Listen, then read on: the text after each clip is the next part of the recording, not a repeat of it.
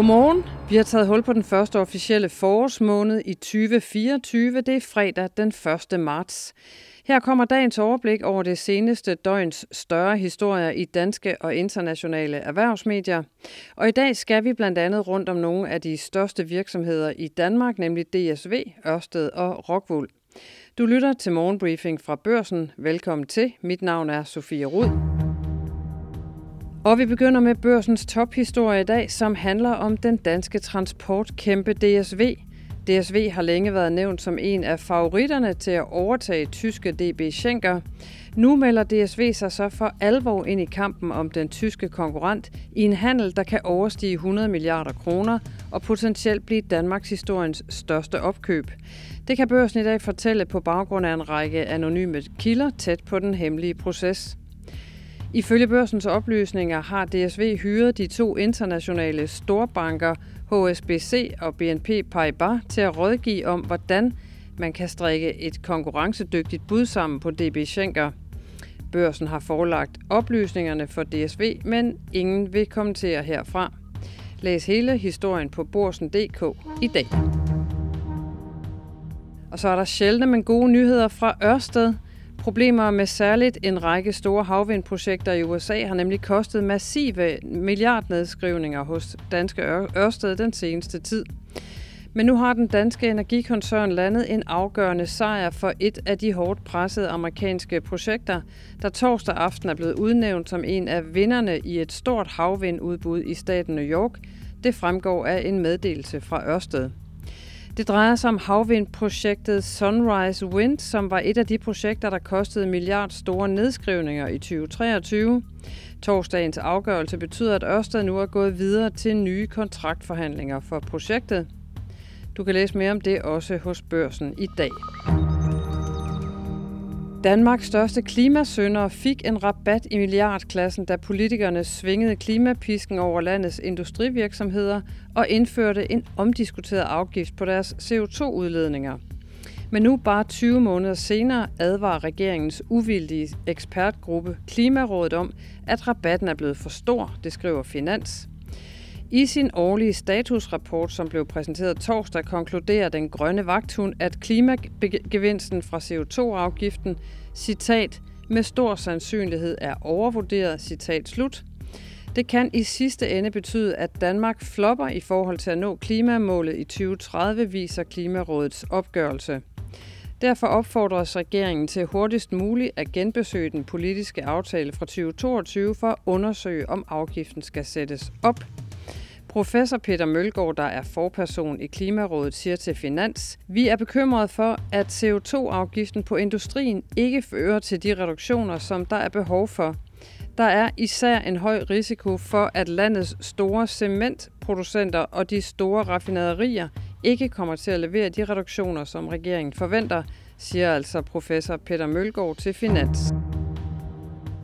Jens Birkersen træder tilbage som topchef i Rockwool, det oplyste selskabet torsdag i en meddelelse. Men om Jens Birkersen er blevet fyret eller ej, står indtil videre hen i det uvisse, skriver børsen i dag. Formand Thomas Kæler beskriver forløbet som en opstået enighed mellem ham og Jens Birkersen og afviser at komme ind på, hvem der har taget initiativet til, at parterne nu skilles. Han betegner situationen som helt udramatisk, og det er i hans optik en ganske almindelig fremgangsmåde i forhold til topchefer med omkring 10 år på banen i de øverste ledelseslag. Kæler siger, vi er blevet enige om, at tiden er kommet til at prøve noget nyt, og på spørgsmålet om, hvem der har taget initiativet, svarer han, her siger begge parter tak for samarbejdet og skilles i god stil. Vi skal til Kina, hvor vækst, vækst og atter vækst har været historien om kinesisk økonomi i flere årtier. Udviklingen i Kina har fået økonomer verden over til at spekulere i, om landet må overhaler USA som verdens største økonomi i fremtiden. Flere af verdens førende prognosemager har tidligere sagt, at det vil ske inden 2030, men noget tyder på, at virkeligheden har ændret sig, mens Kina ser ind i en fremtid med demografiske udfordringer og en lurende krise i økonomien, så oplever amerikansk økonomi nemlig fremgang. Det har fået flere til at genoverveje, om det rent faktisk sker, altså det med Kina. Den økonomiske mastodont OECD siger nu, at det først sker i 2046. Børsen har spurgt tre Kina-eksperter, hvordan de ser på fremtiden for kinesisk økonomi. Kan Kina VBU USA af pinden? Læs, hvad de siger hos børsen i dag. Inflationen i USA er faldet til 2,4 procent i året frem til januar i år, ifølge de data, som den amerikanske centralbank Federal Reserve læner sig mest op af.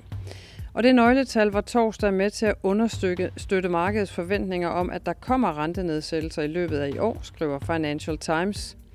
Og torsdagens nye tal for privatforbruget i USA matchede også forventningerne hos økonomer, der holder øje med den slags – så alt i alt så var de her tal basis på og støttede troen på, at de amerikanske renter står for sænkninger fra den nuværende top, som ligger på det højeste niveau i 23 år. Og de inflationstal, som jeg lige nævnte, førte til, at de amerikanske teknologiaktier i Nasdaq lukkede i den første rekord i mere end to år.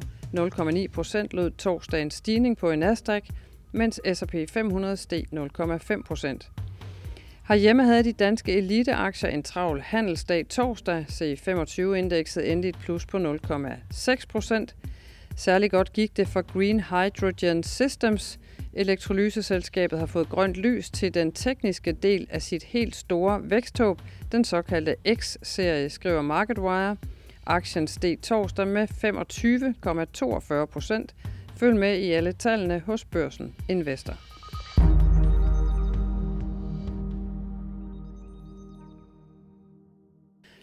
Og så venter mange i den danske banksektor spændt på at høre fra den digitale udfordrerbank Luna Bank i dag. Luna Bank er presset efter et nederlag i en retssag i Norge, og derfor har Finanstilsynet givet Luna en frist til i dag, fredag den 1. marts, til at skaffe ny kapital. Hvordan Luna vil gøre det, det får vi snart at vide. Men hvordan går det egentlig for nye banker, der som Luna forsøger at udfordre de traditionelle og kendte banker?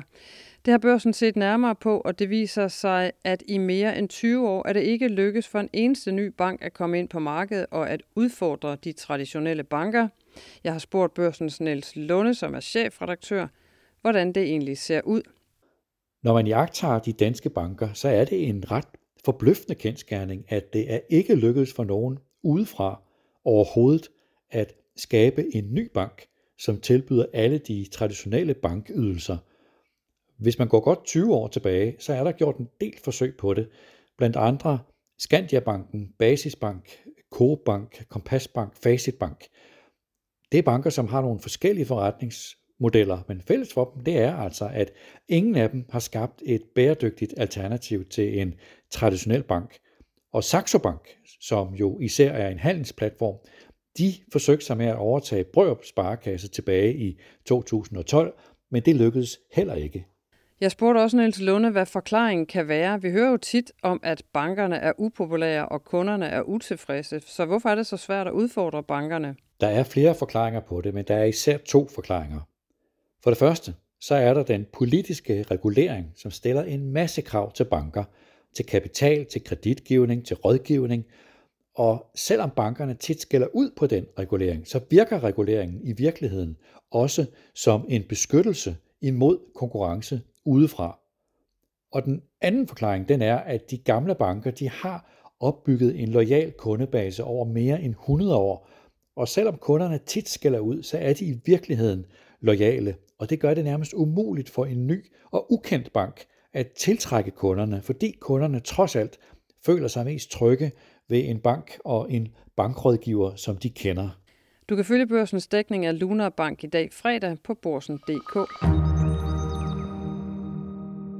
Ugens sidste morgenbriefing er slut, og der venter en forårsweekend forude. Hvis du i løbet af den får lyst til at se ned i flere af tidens vigtigste erhvervshistorier, så har børsen lige nu et godt tilbud til nye læsere. Gå ind på borsen.dk-tilbud, hvis det var noget for dig, og have en rigtig dejlig fredag.